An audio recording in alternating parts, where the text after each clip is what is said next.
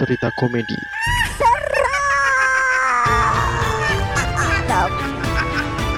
Balik lagi di Sisi Sadar bersama saya Riz Gavara. Bersama saya Sena Sindu yang saat ini lagi nungguin Bang Mandra lagi gali kubur.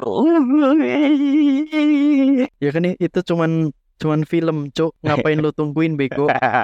lah, namanya juga sohib, Cuk. Ya kan Bang Mandra kan aktor Kapan ente jadi sohib bangsat? lah nggak apa-apa dong biar tahu gitu proses proses gali kubur dari awal ya kan Gue udah bisa nebak kenapa lu ngomongin Bang Mandra. Pasti ini ada kaitannya dengan pocong. ah sudah tertebak malam hari ini gue akan menceritakan tentang kejadian-kejadian horor di lingkungan penggali kubur dan penjaga kubur sih menurut Wede. Oke, sebelum ceritanya, gue mau nyampein juga buat teman-teman yang pengen ngirim cerita horor, ya kan? Boleh dikirim ke Instagram kita, karena setiap cerita kal- kalian itu adalah inspirasi bagi kita semua. Bukan inspirasi sih, bahan aja udah. Iya, emang ke kehabisan bahan aja kita emang. Iya sih. Jadi buat teman-teman yang mungkin ada cerita-cerita horor itu bisa dikirim melalui Instagram kita Sisi Sadar. Bener. Mau email juga bisa, WA boleh, Boleh. atau mau video call langsung VCS boleh, boleh, boleh, boleh. VGS itu apaan sih? Video call santai. santai santai Iya Oke oke. Gue bakal cerita tentang Kejadian horor yang ada di lingkungan penjaga kuburan. Cerita dari Bang Sani Yang namanya gue samarin. Bang Sani ini adalah penjaga kuburan dari kuburan keluarga gitu ya Di daerah Pegunungan Jawa Tengah. Oke. pekerjaan ini memang turun temurun gitu. Jadi dari dari leluhurnya memang karena memang ya dipercaya eh, keluarga Bang Sani ini untuk menjaga kuburannya gitu tapi sebenarnya nih Bang Sani ini juga eh, ada job desk atau pekerjaan utamanya gitu ya yaitu dia tuh pekerjaan utamanya dia jualan kayak nasi goreng mie goreng sama berita-berita yang digoreng gitu Weh, gosip. Digosok makin sip. Eh, Bener. Jadi rumahnya Bang Sani ini hanya berjarak 20 meter dari kuburan salah satu keluarga kaya raya yang namanya adalah keluarga Pak Harim. Jadi pemakaman ini memang tidak terlihat angker gitu karena ya memang didesain dengan banyak tanaman hias di sana. Di samping kuburan itu juga terdapat villa yang cukup besar gitu yang biasanya ketika akhir tahun gitu ya semua keluarga Pak Harim tuh ngumpul di sana. Karena rumah Pak Harim dekat dengan wisata kuburan teh, jadi ya penuh juga gitu dan terkadang villa itu disewakan untuk mesum gitu.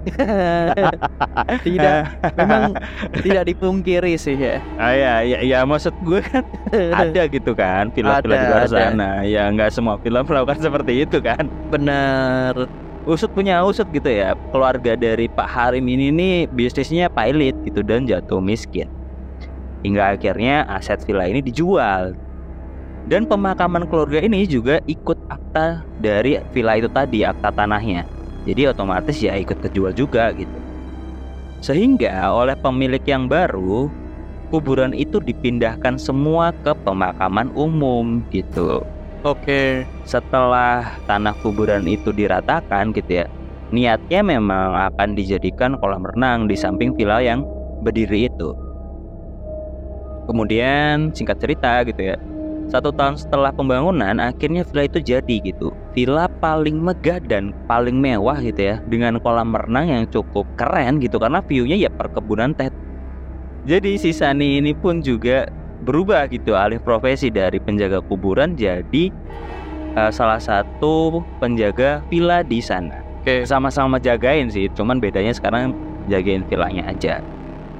Saat grand opening gitu ya, diundanglah gitu keluarga dari pemilik yang baru.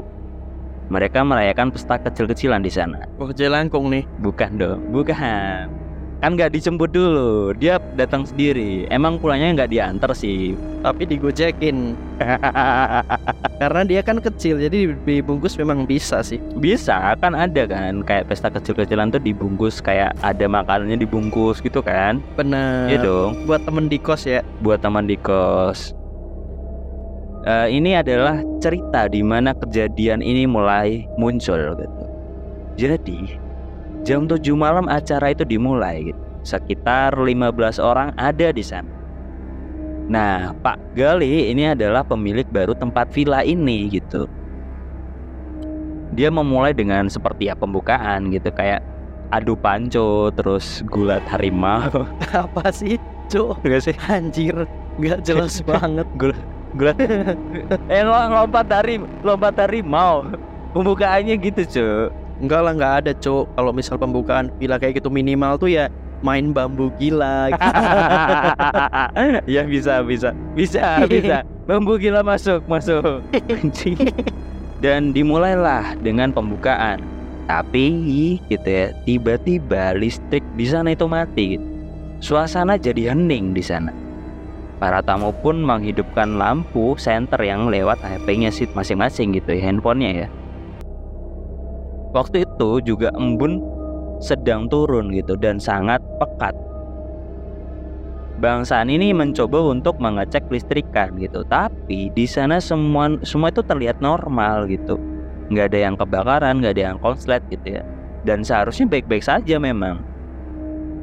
Namun berkali-kali dinyalakan tetap saja tidak menyala gitu. Kemudian di kerumunan para tamu gitu ya salah satu anak itu melihat di ujung kolam atau di dalam kolamnya itu terdapat bayangan putih berjajar. Eh uh, pak itu di dalam kolam apa tuh? Apa SpongeBob. Kenapa jadi Patrick? Kenapa jadi Patrick? Emang ada apa nak di sana nggak ada apa-apa kok. Yang tenang kamu kenapa? Sambil mengarahkan senter ke bawah kolam. Gitu itu pak. Seperti pocong tapi banyak sekali. Aku takut. Pegang biji bapak biar kamu nggak takut. Kenapa kenapa pegang bijinya si bapaknya? Nggak apa-apa. Kalau misal itu bisa menenangkan ya nggak apa-apa lah. Ya ya ya enggak lah enggak. Enggak enggak enggak enggak. Aduh nyensor nih. Harus disensor sih ini harus sensor tiba-tiba dari arah kolam gitu ya kolam renang tadi itu seperti ada ombak di dalamnya gitu. Air yang awalnya tenang gitu ya tiba-tiba tuh terpecah dan ya kayak muncrat-muncrat gitu cuk. Kayak ya kayak ada ombaknya gitu di kolam itu. Oke. Okay. dan itu membuat keheningan di sana itu terpecahkan gitu lalu semua orang mengarahkan cahaya ke kolam renang gitu. Terlihat banyak sekali pocong dengan berwarna putih tapi cukup letak gitu kayak kayak apa sih? Kayak got. Kan putih cok got got itu hitam. Putih kayak kayak tua. Kenapa referensi antem tua sih ya kan ada loh referensi lainnya gitu kan. Baju yang udah lama gitu kan bisa. Kenapa tua sih anjing? Kan gue cuma nebak cu jadi di sana terlihat banyak sekali pocong dengan berwarna putih di bawah sana. Air pun tiba-tiba mulai berwarna merah gitu seperti darah dari bawah sana. Kayaknya men sih ini pocong lagi men sih kayak anjay. Datang bulan datang bulan dia. Semua orang akhirnya berlarian ke arah villa gitu. Namun saat mereka di daerah parkiran karena di depan villa itu adalah parkiran gitu ya semua alarm mobil itu menyala tiba-tiba semua orang panik dan histeris di situ Pak Galih pun menyuruh semua tamu untuk masuk ke dalam. Pak Galih itu sebenarnya udah tahu dan diperingatkan juga gitu. Sehingga dia juga membawa dukun yang bergabung menjadi salah satu tamu di sana. Oke, udah prepare dia berarti. Udah prepare, udah prepare. Jadi sebenarnya eh, selama pembangunan pun itu ada banyak masalah. Si dukun ini ya berencana untuk mengakhiri gangguan-gangguan dari makhluk gaib ya di daerah situ dengan cara Dukun tersebut membakar dupa dan menancapkannya di setiap sudut kolam renang. Oke. Kemudian dikeluarkan juga sebuah kepala kerbau dari ke belakang villa gitu ya dibantu oleh Bang Sani tadi. Ritual ini adalah jalan terakhir untuk memindahkan arwah yang di sana. Dukun tersebut juga kemudian mengeluarkan sebuah keris dan menancapkan kedua mata kerbau tersebut. Setelah itu, dia mencoba berkonsentrasi seperti bertapa dan komat kamit gitu kan kayak ya seperti biasa pada umumnya dukun gitu kan. Sani di situ tuh Bang Sani ini bingung gitu di sana apa yang harus dia lakukan karena ya nggak tahu ya dia nggak disuruh juga sama dukun itu untuk seperti apa seperti apa gitu. Namun tidak beberapa lama gitu ya tangan dukun itu mulai bergerak sendiri gitu dan nggak terkontrol hingga akhirnya malah menggorok lehernya sendiri. Waduh, ngeri banget cuk. Setelah itu lampu pun menyala dan naas Malam itu sang dukun harus kehilangan nyawa. Wanjir. Kemudian para tamu para tamu pun keluar dari villa tersebut hingga sekarang villa tersebut itu nggak terus dan nggak dipakai lagi gitu ceritanya. Jadi ya emang udah dibilangin maksudnya beberapa orang itu tuh kuburan lama dan kuburan leluhur orang situ gitu tapi tetap diterabas dan dibikin jadiin kolam Iya sih, cuman gue bisa ngasih uh, masukan sih. Bukan masuk, ya udah telat sih kalau masukan. Cuman kalau memang dia pakai kepala kerbau, itu memang kurang powerful cu. Harusnya apa dong? Kepala banteng masuk lo? Iya iya iya iya iya iya itu lo tahu.